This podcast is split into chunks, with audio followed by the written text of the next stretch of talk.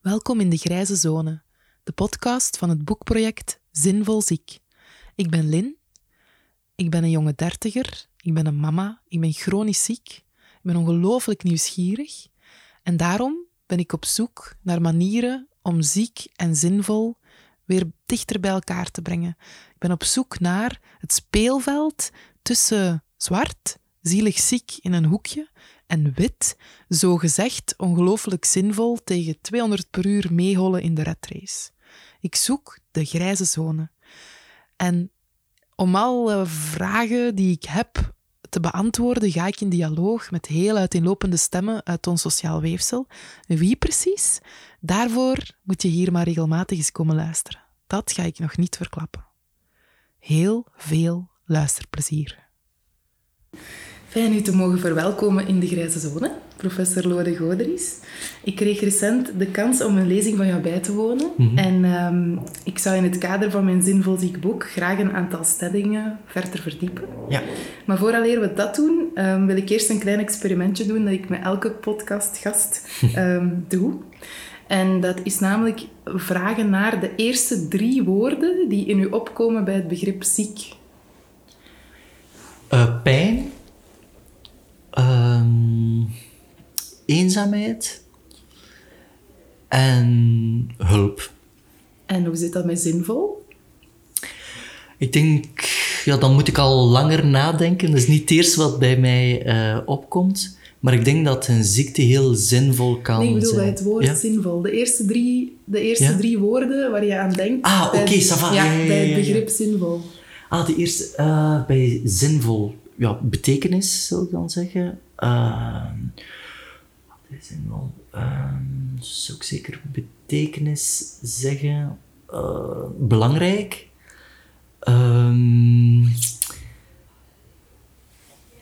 en persoonlijk. Persoonlijk. Ja. En als bonusvraagje. Ja. Um, welke associaties stromen er binnen wanneer je die twee woorden in één adem zegt? Dus zinvol ziek. Mm -hmm. Wat komt er dan binnen? Ja, dan doe je iets met uh, een ziekte uh, en geef je meerwaarde aan eigenlijk een levensgebeurtenis. Uh, ja, je, je, gaat ermee aan de slag. Iets actiefs.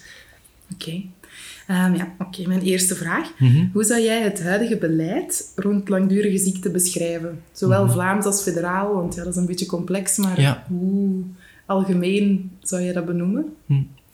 Ik vind vooral een passief beleid. Um, ik uh, denk dat werk, terugkeer naar werk, een heel belangrijk onderdeel is van herstel en genezing. En dat we momenteel uh, eigenlijk dat eerder wat passief gaan bekijken. Ik denk dat we mensen nood hebben aan ondersteuning en begeleiding. En dat dat nu om tal van redenen eigenlijk nog altijd uh, niet uh, gebeurt. Mm. Um, ik denk dat mensen recht hebben op herstel en genezing, eerder dan het recht hebben om ziek thuis te zitten of moeten mm. uh, zitten. En zie je grote verschillen tussen Vlaams en federaal? Um, ik denk dat er wel heel wat initiatieven zijn aan het nemen zijn. Ook er zijn beleidsinitiatieven. Um, en wat ik ook merk, dat die initiatieven vaak ook wel wat eerder gekaderd worden. Misschien niet zozeer in de context van we gaan de gezondheid van mensen gaan verbeteren. Maar dat wordt wel vaak de initiatieven genomen vanuit de overheid omwille van budgettaire redenen. En dat vind ik jammer als arts. Ik denk dat het belangrijk is dat we mensen helpen uh, bij de genezing. En terugkeer speelt daar een enorm belangrijke rol in. En dat dat dan ook goed is voor de sociale zekerheid, vind ik meegenomen, maar dat is niet mijn primair doel. Nee. En is er, um, ja, pakweg de voorbije tien jaar of zo, zit er een opvallende evolutie in de beleidsvoering? Hm. Wat ik nu wel gemerkt heb, is dat men uh, toch wel is gaan nadenken over hoe dat we langdurige arbeidsongeschiktheid kunnen voorkomen. Uh, en dat denk ik dat een heel belangrijke stap is.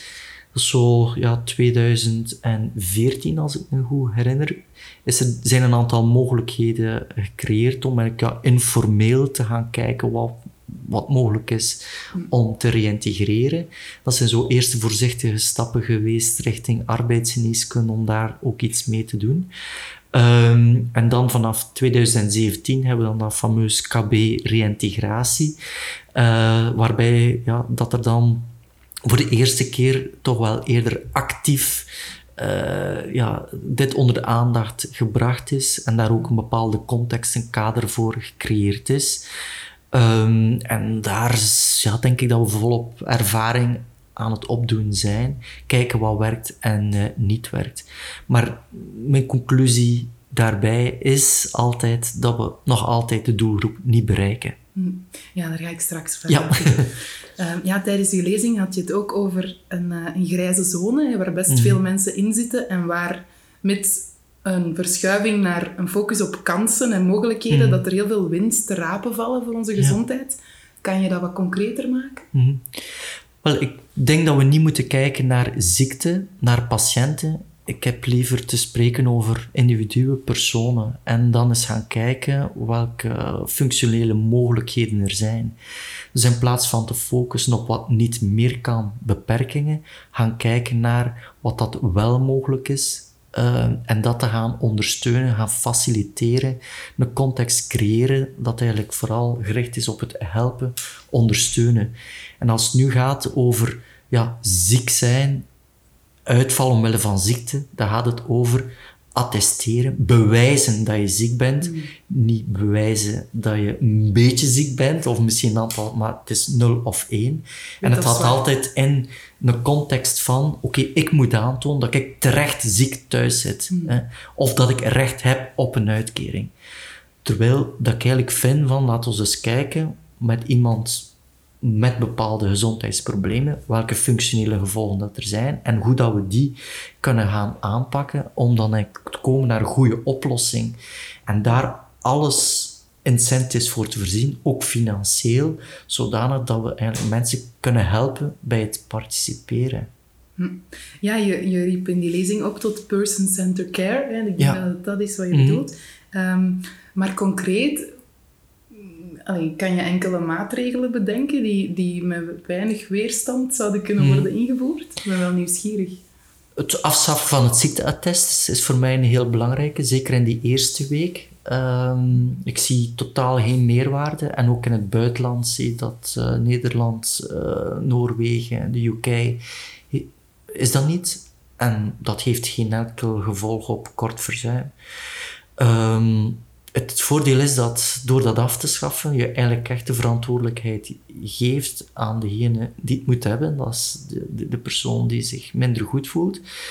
En ja, die kan een beslissing nemen van oké, ik blijf vandaag thuis en dan communiceer ik, meld dat aan mijn leidinggevende. Uh, daarvoor heb je volgens mij geen ziekteattest nodig. Het creëert ook direct de mogelijkheid tot gesprek uh, en ook begrip van de leidinggevende. Hm. En dan ja, is het cruciaal hoe dat leidinggevende daarop reageert, maar het, het opent mogelijkheden. Um, ik zie geen meerwaarde van ziekteattest in die eerste week, echt niet. Uh, Dus dat is heel concreet. Het voordeel is, dat is echt person-centered. Ik heb migraine, heel veel mensen hebben migraine, weten perfect wat ze moeten doen. Dan kunnen hen beter die tijd gunnen om te rusten de, medica de medicatie te nemen hmm. om uh, zich beter te voelen. En wellicht zijn ze de dag iedere keer naar de huisarts te hollen. En, ja, dus de huisarts heeft daar eigenlijk niks aan. De, de, de, de werknemer ook niet. Hmm. En ook het bedrijf eigenlijk ook niet. Nee. Dus dat vind ik een voorbeeld van person center. Je maakt het gewoon voor de persoon uh, het gemakkelijk. Ja, ja wat, wat, mij, wat mij het meeste raakte, denk ik, mhm. ehm, tijdens de lezing was uw pleidooi om vooral met patiënten te praten en niet zozeer voor patiënten of over patiënten. Mhm. Ehm, en dan had je gezegd dat in elke studie, in eender welk land, ehm, dat de belangrijkste determinant voor een geslaagde reintegratie, dat dat de eigen inschatting van de gezondheid is. Mhm. en ja, jij zei dan letterlijk van vraag het aan de patiënt zelf, want die weet dat tien keer beter dan wij met z'n allen samen. Mhm. Nu, ik denk dat voor ja, zo'n aanpak er wel wat moet bijgeschaafd worden hè, aan het huidige mhm. beleid. Dus hoe, mhm. hoe zie je dat? Wel, als we dat ziektatest al zouden kunnen afschaffen, ja, dan geef je per definitie uh, ja, die, die beslissingsmogelijkheden bij uh, de werknemer. Dus dat is eigenlijk een, bijna het ultieme. Maar, ja, uh, maar bij die fitnote had jij toch gezegd dat het bijvoorbeeld ja. in de UK helemaal fout loopt, omdat artsen niet opgeleid zijn om daarmee om te gaan, maar evengoed um, in, een, in een debat naar aanleiding van de vorige verkiezingen, mm -hmm. in de zevende dag was dat, zei Elke van Hoof dat ook mm. leidinggevenden geen flauw benul hebben hoe ze daarmee zouden moeten omgaan met, met aangepast werk bedenken en noem maar op. Dus mm. Dan zit er toch wel al een serieus gat in dat debat als, als, er, allee, als degenen die hoogst geplaatst zijn eigenlijk niet weten wat ze daarmee moeten. Ja, maar daarom moeten we die ondersteuning voorzien. Hè? En ik denk dat het verschil tussen België en de UK is dat je bijvoorbeeld wel arbeidsartsen hebt mm. die eigenlijk die vertaling van de, de, gezondheidsproblematiek naar functionele mogelijkheden kunnen maken. En dus mee op zoek gaan, mee het bedrijf gaan begeleiden om dan te gaan zoeken naar de juiste oplossing. Arbeidsartsen kunnen doen, zijn ook momenteel ook wel heel veel uh, coaches, jobcoaches die daar ook actief mee bezig zijn. Dus die ondersteuningsmogelijkheid is er wel. Mm. Maar we moeten dat in de juiste context kunnen, kunnen gieten. Ook opnieuw ondersteunend. Uh, en dat is denk ik daar het uh, belangrijkste. Ja, en inderdaad, ziektatest afschaffen. En in de plaats daarvan de fitnote is een heel duidelijke beleidskeuze die je kan maken. Heel belangrijk is inderdaad uw voorschrijvende artsen gaan opleiden. Maar ook tijdig laten doorverwijzen. Net zoals dat je bij een huidprobleem doorverwijst naar een dermatoloog. Eigenlijk ook artsen, huisartsen laten doorverwijzen naar de specialist van het werk en dat is dan de, de arbeidsarts. Dus uh, ik denk dat we hier in België een grotere kans hebben om dat uh, mogelijk uh, te maken in vergelijking met de UK. Ja, en als dat doorstromen goed zou lopen, -hmm. dan, dan neem ik aan dat progressieve tewerkstelling veel um, zinvoller kan worden ingezet dan dat het mhm. nu gebeurt. -hmm. um, hoe kijk jij in heel dat kader naar dingen als bijvoorbeeld jobcrafting of inclusief jobdesign? Mm. Zie je daar het nut van in? Ik denk dat we alle kansen moeten geven en bieden, maar ook uh, ondersteunen. Ik denk dat uh, inclusie is bijzonder belangrijk, maar om inclusie succesvol te maken, moeten we ook de noden van werkgevers uh, in kaart brengen. En ik zie het debat soms iets te gepolariseerd. Hè je kan inderdaad recht vragen. Ja, iedereen heeft recht op werk. Maar als werkgever is dat niet altijd mogelijk. En ik denk dat we ook daar begrip moeten voor hebben. Een bakker moet de dag erop zijn brood klaar liggen hebben. En laat ons eens kijken wat daarvoor nodig is. Ook al heeft iemand, de bakkersknecht, rugproblemen, waardoor dat hij niet misschien het werk kan doen wat nodig is. Welke mogelijkheden kunnen we daar wel lokaal creëren, zodanig dat de bakkersknecht kan werken, revalideren op het werk en tegelijkertijd de bakker zijn brood op de plank uh, kan, kan leggen. Hmm. En dus voor mij is dat, ik wil die polarisatie eruit. Hmm. Vind dat we moeten uh, samen kijken in dialoog wat mogelijk is. Hmm. En ik wil het eisende de, langs werknemerskant er soms wat uit, meer uh, in, in gesprek durven gaan. En ook het eisende langs werkgeverskant eruit zien te krijgen. En zeggen van kijk, Laten we eens kijken, de puzzel leggen. Wat is uw vraag, verwachting? Wat is mijn verwachting? Laten we dat hier nu samenbrengen. En dan gaan kijken, de context gaan creëren om beide verwachtingen op elkaar af te stemmen. Nu ja, dat vergt natuurlijk wel tijd. En dat is iets mhm. dat de meeste mensen niet hebben. Hè. Dus ik mhm. heb de indruk dat het, onze zwart-witte systemen, eh, dat die, dat mhm. die gewoon vooral heel... Um, ja, handig zijn bij tijdstekort. Hè? Want je hoort, ik hoorde uh, Luc Henault op hetzelfde symposium dan spreken over de kansentrajecten en dat ze niet meer, um, niet meer zozeer kijken naar de stempeltjes die iedereen heeft, mm. maar ook naar functionaliteiten. Ja. En dat, uh, dat uh, ja, de mensen die daar werken zeggen, amai, dat is wel veel tijdsintensiever en vermoeiender om te kijken wat iemand wel nog kan, dan om te kijken wat iemand niet meer kan. Dus hebben we dan, ja, ik vraag me af of we dat niet collectief moeten vertragen om dat mogelijk te maken? Oh, tijd is maar één factor, hè? maar als je eigenlijk gaat kijken, nu vanuit een beleidsgegeven, als het dan toch over de centen gaat, dan is elke dag gewonnen, levert enorm veel op. Hmm. Ik, bij de minste maatregel dat je neemt, dat eigenlijk een aantal dagen kan, kan afknabbelen van dat ziekteverzuim, is direct uh, een positieve return on investment. Dus in die zin denk ik dat we... Ja, voor mij gaat het altijd over het verbeteren van de gezondheid van uh, mensen. Maar ik denk dat dat geld daarvoor te rapen ligt. Wat dat we nu uitgeven door niks te doen, kunnen we veel beter gaan investeren om mensen te, te begeleiden. En we gaan veel minder nodig hebben. En inderdaad, dat vergt voor mij geen tijd, dat vergt voor mij prioriteit. Dat zijn het maken van keuzes. Nu wachten totdat het te laat is en dan mensen moeten sanctioneren of bestraffen. Ja, negatief, dat gaat niet werken, dat weten we. Hè. We kunnen veel beter gaan inzetten op het voorkomen, preventie, kansen creëren en daar uw middelen in, in, in investeren. Dus in plaats van het uit te geven aan passiviteit, uh, immobiliteit, kun je het veel beter gaan investeren in het creëren van uh, kansen. En pff, ik ben daar bereid in om dan, laten we zeggen, het, het risico te pakken dat we 10% van de mensen die misschien zwart verzuimen, want dat is dan altijd de discussie, en moeten we dan die mensen hè, terug verplichten aan het werk? Ik zie dat dan collateral damage, dat we dat meenemen. Ik vind niet dat 90% van de mensen die terecht thuis zitten, moeten zich voortdurend verantwoorden uh, ten opzichte van 10% die dan misschien inderdaad zwart verzuimen. Uh, ja, dan geef ik liever alle kans van die 90% en aanvaard ik dat er 10% zal zijn die misbruik zal maken. Dat is dan de collateral damage. Maar daarvoor moet 90% van de bevolking niet bestraft worden. Nee, dat is waar. uh, nee, want ja, ik, natuurlijk in mijn omgeving, ik kom vanzelf in contact met redelijk veel mm. langdurig zieken. Um, en wat je daar allee, toch heel vaak hoort, is dat ze inderdaad vooral bang zijn om iets te durven ondernemen. Mm. Omdat van het minste um, hun vangnet dreigt weg te vallen. Van zodra dat je toont van ik ben bereid om actief te zijn, mm. dan is het ineens ofwel alles ofwel niks. Dus dat is heel moeilijk om... om ja, mensen daarin te motiveren. Dus ik, ik um, ja, vraag me af of jij daar een alternatief op ziet. We moeten veiligheid creëren. Dus met andere woorden, en, en je moet niet direct zeggen van kijk, als je in invaliditeit zit en je gaat terug richting werk, uh, dat je dan direct je invaliditeitsuitkering, je rechten, hè, dan het, hè, men noemt dat dan de gouden kooi. Ik vind dat geen gouden kooi, ik vind het vooral een kooi. Ja, absoluut. Uh, ja, het is misschien een beetje een vreemd beeld, maar dat is hetzelfde met een kanarievogel dat in, uh, in een kooi zit. Ook al zet je dat deurtje open, die gaat er niet uitvliegen. Hè? Dus moet die ja, bijna er zelf uit gaan, gaan zitten. Uh, ik denk dat we vooral hier moeten helpen om die stap te zetten.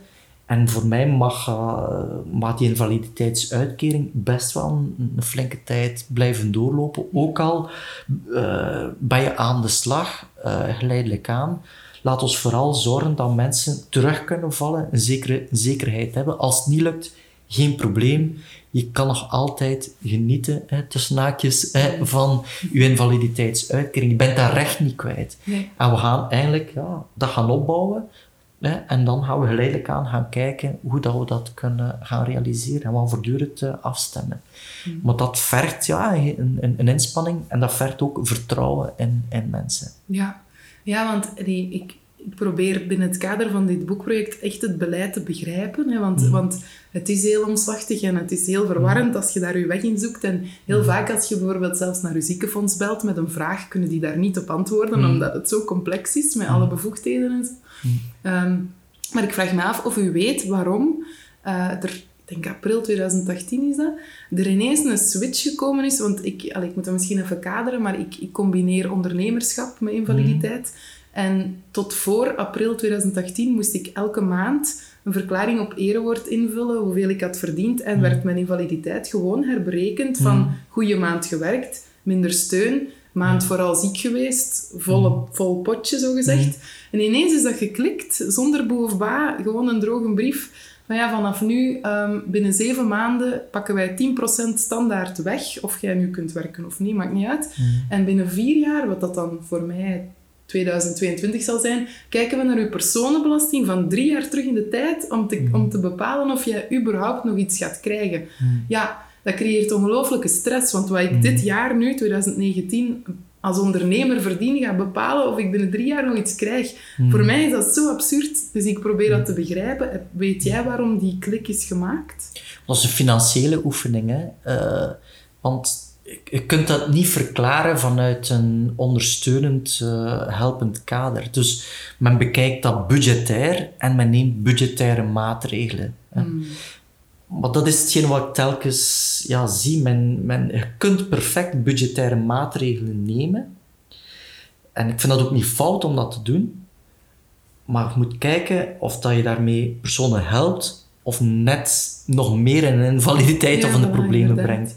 En je kunt perfect een voorkomingsbeleid gaan installeren dat mensen helpt bij hun gezondheid en dat een return gaat geven, een positief resultaat gaat geven voor je sociale zekerheid. Ja, en dat is ja, waar ik graag aan, aan, aan werk en beleidsmatig werk ook uh, wil, wil uitvoeren. En ik vind, als we dat doen, dan is de rest eigenlijk relatief simpel. Wat daar, daar straks ook zei, van het is allemaal complex. Ja, dat komt omdat we met verschillende instanties zitten die elkaar niet praten. En dan is het eigenlijk aan de, de zieke persoon die al beperkt is, hè, dat allemaal moet gaan uitzoeken om dat correct te gaan doen. Dat vind ik geen voorbeeld van person-centered. Plantrekkerij is echt gigantisch. Dus ik vind daar sorry, je meldt je ziek, dan moeten die, die instanties zich zo organiseren dat zij de informatie krijgen of vragen dat zij van u nodig hebben. Maar ik vind niet de verantwoordelijkheid van de, de patiënt, van, van de zieke werknemer, om dat dan overal te gaan uitzoeken. Hmm. En, en ik zou dat ik willen platleggen, juist zoals dat nu oefeningen aan, aan de gang zijn in, in het ziekenhuis. Maak het zo gemakkelijk mogelijk voor, u, voor de persoon, en dan ga je, ga je de beste resultaten bekomen. Ja, en alleen, ik volg de debatten rond, rond uh, werkbaar werk en wendbaar werk mhm. echt uh, ja, op de voet. En wat mij opvalt is dat er enerzijds bijna alleen maar gesproken wordt over mensen die nog in staat zijn om te herstellen naar hun 100%. Daar ligt de focus altijd op. Mhm. Dus ja, wat met al die mensen die zoals ik, die levenslang mhm. mankementen hebben en die eigenlijk nooit nog in die red race echt kunnen meer. En allee, ik mm. voel mij daar echt in de steek gelaten. En ondernemerschap is voor mij dan de goede weg. Maar ook dat wordt niet gestimuleerd. Hè? Want uiteindelijk, meer op maat kun je job niet maken dan je eigen onderneming. Ja. Ehm, maar dat wordt niet gestimuleerd en ik begrijp dat niet zo goed. Dus is, allee, over alle jaren beleidsvoering is dat nog nooit op tafel gelegd. Van laten we dat stimuleren bij langdurig zieken. Weet u daar iets van? Wel, alles is gericht, zoals we gezegd hebben, op het bewijzen dat je ziek bent. En dan krijg je recht op bepaalde uitkering. Dus dat is telkens in dit soort van... Const dat is hoe dat beleid nu is. Dus als je dat wil switchen, zoals dat we eigenlijk willen, hè, van kijken niet van het bewijs, maar creëert kansen. En daar stop je je, je, je effort in, je, je geld en inspanning in. Ja, dat is een, ganse hertekening van, hmm. van, van, het ja, ik bedoel, ik betaal mijn sociale bijdragen, ik hmm. betaal belastingen, dus ik ben... Hmm. Letterlijk zinvol ziek. ik ben vanuit mijn ziekte nog serieus het potje aan het voeden. En toch eh, is die financiële afstraffing er onmiddellijk. Want ik heb letterlijk in, in, in het ziekenfonds ge, als antwoord gekregen toen ik mm. ging vragen van hoe werken die financiële plafonds. Hoe zit mm. dat? Ja, als je bedrijf kan groeien, dan uh, moet je geen invalide meer zijn, hè, mevrouw, zei die. En dan mm. dacht ik zo van, maar mijn ziekte verdwijnt toch niet omdat ik mij nuttig maak. dus die scheiding tussen, tussen ziek en zinvol, ik vind dat heel problematisch. Dat van zodra een zieke zich zinvol maakt, allee, of toch buiten een vrijwilligerskader, want dat is allemaal prima, um, dan inderdaad, dan moet je bijna gaan bewijzen van ik ben nog altijd wel ziek. Ja. Ehm, en het systeem dat je meldt is eigenlijk wel interessant. Je onderneemt, oké, goed, je hebt een goede periode, oké, dan gaat het goed, oké, maar dan als de periode erop minder goed gaat, dan ja, heb je haar communicerende vaten bij ze van spreken. En dus ik denk dat deze flexibele systemen mogelijk moeten gemaakt worden. Maar ja, die waren er, die zijn gewoon weg. Ja. die, dat was er. Dat was, dat was mhm. een perfect systeem. Ik begrijp niet waarom dat is. Ja, het heeft te maken, denk ik, hè, eh, met, met budgettaire oefeningen en ook systemen die toelaten al dan niet te controleren of dat dat... En dat is telkens, denk ik, de, heel sterk. Ja, je hebt recht op iets en dan moet je bewijzen dat je daar recht op hebt. Integendeel, zouden veel beter je systemen aanpassen op die flexibiliteit. Maar het is veel moeilijker, uiteraard, om dan te gaan controleren. Dat is waar. Maar zoals ze zegt, ik denk dat het naar ja, terugverdieneffect, vermogen, veel beter is om, uh, om, om kansen te creëren dan nu alles te gaan opzetten om, om dingen te gaan controleren. Ja, en ook alles, al die, allee, de meetbaarheid van alles stoort mm. mij ook. Hè. Ik, mm. ben dan een reuma-patiënt en ik moet dan om de zoveel maanden de fameuze mm. Bastai invullen. Ja, ja. Mm. Ik vind dat echt hallucinant, dat je op een momentopname van een schaaltje op 10, dat daarop, dat, allee, op basis daarvan cruciale dingen worden bepaald, zoals mogen we je dure medicatie blijven verder zetten, want je hebt zoveel procentpunt te weinig verbetering op je schaal. Ja. Ik vind dat waanzinnig. Allee, bedoel, daar moeten toch mm. ook andere manieren voor bestaan. Zijn er in, mm. in, in andere landen andere mm. modellen die je al hebt gezien waarvan je denkt, hmm, dat zou goed zijn? Wel, ik kan me beperken tot terugkeer naar uh, ziekte. Um, wel, daar, we hebben al wat gesproken over het afzetten van een ziektetest, mm de FitNote dat zijn zaken waar ik denk dat we volledig moeten op uh, inzetten. Eigenlijk het geven van kansen uh, en het creëren van mogelijkheden met een bril op uh, wat kan. Hmm. en er ook van uitgaan dat niemand 100% gezond is. En dat is een, een, kritiek dat ik heb naar de Wereldgezondheidsorganisatie toe. Omdat ik vind de definitie zoals dat die nu momenteel is opgenomen door de Wereldgezondheidsorganisatie, is, is op dat vlak niet goed. Uh, niemand is optimaal, volledig fysiek, mentaal en sociaal. Uh, dat, dat is niet zo. Nee. Uh, ja, sommige dagen gaat het goed, sommige gaat het wat minder. En zelfs binnen de dag heb je goede momenten en minder goede momenten. Dus ik ken niemand die, die 100% uh, uh, ja, altijd zegt. Ja. Dus dat, dat zijn evenwichten. Uh, dat hangt af van ja, omstandigheden, context, hoe dat je voelt, hoe dat weer is. en hoe dat je geslapen hebt, wat dat er de dag ervoor gebeurd is. Hm. Dus het idee van 0-100, daar moeten we absoluut van af. Hm, ja, oké. En ja, nog iets helemaal anders. Mhm. um, hoe kijk jij naar het opleiden van patient experts? Ik denk dat uh, het patient experts, wat bedoel je erbij? Want ja, dit is zo'n brede term. Ik heb, ik heb zelf um, patiënt-expert reuma, de opleiding, gevolgd. Mhm. Um, en ik denk dat dat momenteel volop in ontwikkeling is. Um, Patiënt-expert center, waarbij dat, heel veel uh, partners samenkomen om eigenlijk per grote groepen van ziekten ervaringsdeskundigheid te stimuleren. Mhm. Eh, en dan, ja, ik heb bijvoorbeeld al in een debat gezeten met pharma voor iets te ontwikkelen. Ja, panelgesprekken, dat soort dingen. Mhm. Ehm, maar ja, wat mij daar dus aan stoort, is dat je dan in, in die kaders dan wel zinvol mocht zijn, maar dan zolang het vrijwillig is. En dan denk ik, ja, iemand die niet ziek is, die in dat panelgesprek gaat zitten vanuit een expertise, die wordt daar dan dik voor betaald. En ik, zieke Duts, ik mag dan blij zijn dat ik daar mag zitten en, ik, en, en daar mijn mond mag open doen. En ik moet dan buiten gaan met, met moeite mijn treinreis betaald of zo. En dan denk ik, ja, dat vind ik zo onrechtvaardig. Terwijl dat dan, als ik dan mag dromen, dan zie ik ons als patiënt-experten eerder als bruggenbouwers net tussen mensen die net een diagnose krijgen en werk, mm. werkgevers. Want allee, wij weten al hoe die ziekte voelt en wat er allemaal kan en wat niet kan. Mm. Dan denk ik naar buddy-systemen toe of zo, dat mm. wij veel beter, ehm, net zoals gezegd, van vraag het aan de patiënt, maar zet de patiënt ook in, maar dan op een eerlijke manier. Allee, dat, dat lijkt mij ook echt nodig dat daar dan Ehm, een draagvlak voor komt en dat beleid ook bereid is om dat te daarvoor te betalen. Ja. Nee? Allee. Ja, het klinkt inderdaad eh, heel logisch als je gevraagd wordt om bij te dragen, dat je ook eh, daarvoor uh, vergoed wordt. Zeker in een professionele context denk ik dat dat goed is. Ik denk dat ervaringsdeskundigheid bijzonder uh, belangrijk is. Uh, zeker in het opstellen van beleid, want daar gaat het idee van person-centered mm. social medicine ook uh, over. Ik denk dat dat nog in, in het begin staat. Hè. We moeten dat nog volledig gaan uitwerken. Um, en, en, dat kun je niet uitwerken zonder te praten met patiënten. Ik heb nog liever rond personen met ervaring. Um, dus ik denk dat dat heel cruciaal is. Gebeurt dat nu achter de schermen? Want dat voelt echt niet zo. Dat voelt alsof het beleid voor zieken door gezonde mensen wordt gemaakt die geen flap nul hebben van hoe het is Hmm. om ermee te leven. Ik denk dat jouw gevoel zal kloppen. Hè. Ik denk eh, dat, Mm. dat, dat dat effectief zo is. Maar ik denk ook wel dat eh, een en-en verhaal hier belangrijk is. Ik denk dat eh, het hebben van ervaring, dan kun je bepaalde dingen aanbrengen vanuit je eigen ervaring, maar uw ervaring zal niet noodzakelijk dezelfde ervaring zijn. En dat is dan...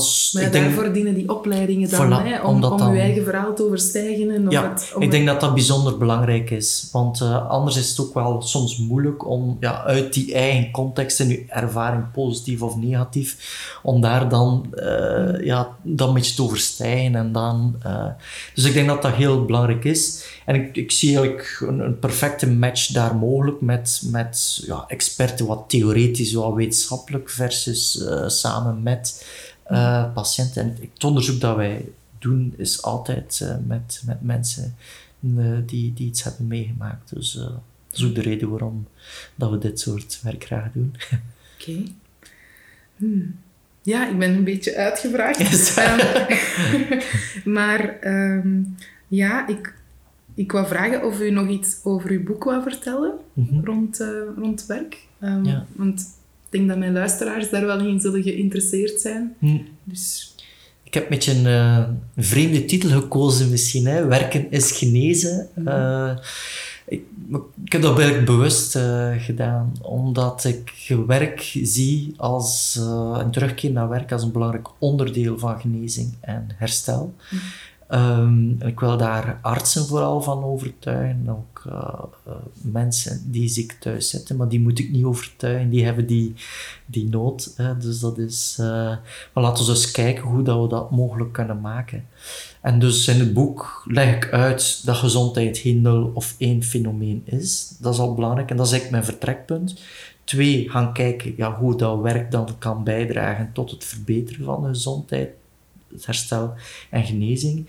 En dan gaan kijken van, ja, als we met die twee eerste eh, vooronderstellingen verder werken en dat we het daarover eens zijn, wat moeten we dan doen? Gaan veranderen. En dan gaat het vooral over creëren van kansen, afschaffen van het ziektatest, invoeren van eh Fitnote. Eh, en dan heb ik daar voorbeelden gegeven rond mentale aandoeningen eh, en ook eh, kanker. Ehm, eh, om dat dan verder eh, uit te werken, hoe dat, dat eigenlijk zou, zou kunnen, kunnen zijn. En dus in het boek werk ik met verhalen, met getuigenissen, net zoals dat we dat straks praten hebben, omdat je dan ook heel concreet kan gaan maken. Dus die ervaringsdeskundigheid vind ik ook heel belangrijk. Dat het geen theoretische oefening wordt, maar telkens ook goed geïllustreerd wordt aan de hand van een getuigenis. Oké. En dan misschien toch nog terug inpikken op het feit dat, ehm, wat je op je lezing ook meerdere malen hebt herhaald, dat je de doelgroep niet bereikt. Ja. Ehm, ja, kunt je daar nog een beetje verdieping aan geven? Hoe- Mhm. hoe- op welke manier en, en welke... Allee, wie is die doelgroep dan exact? Want in daar zullen niet alle langdurig zieken zijn, Mhm. neem ik aan. Ja, ik vind in principe wel alle langdurig zieken. hè. Ehm, ik vind dat iedereen recht heeft, eh, recht heeft op, eh, op, op begeleiding. Ehm, en als ze die niet bereikt, dan, eh, dan, dan, dan vind ik dat, dat, dat mensen ja, de juiste begeleiding niet, niet, niet krijgen. En ik denk dat wij vanuit de zorg daar een belangrijke inspanning moeten voor leveren. En ik kijk vooral naar mijn collega's eh, artsen dan, eh, om dan te gaan kijken hoe dat we dat vertrouwen kunnen creëren, zodat dat reïntegratie niet iets gezien wordt als een budgettaire oefening, dat goed is voor de sociale zekerheid, maar wel kunnen gaan kijken van welke kansen kunnen we creëren. Menselijk kapitaal. Ja, Ja. en dat is denk ik eh, belangrijk. En ik denk dat dat een beetje is waar dat we nu zitten als berichtgeving is rond reïntegratie.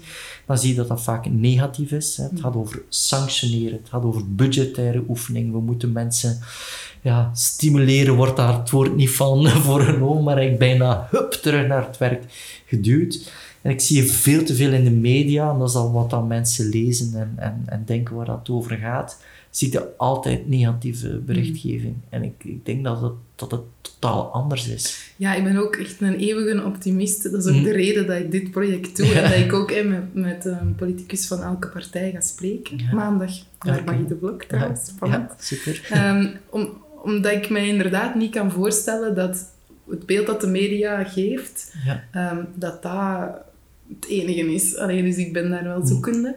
Ehm, maar als je zou moeten, allee, mogen samenvatten, de grootste drempels van de doelgroep Mm. dan naar, naar ehm, werkbaar werk, wat Mm. zijn die? Ik denk dat het eh, vooral gaat over telkens moeten bewijzen dat, in plaats van aantonen wat je wel nog kan. En daar gaat het eigenlijk over. Eh, dus het contact houden met het werk is heel... Eigenlijk gaat het eigenlijk over relatief simpele dingen. Mm. Contact houden met, met het werk is eh, bijzonder eh, belangrijk.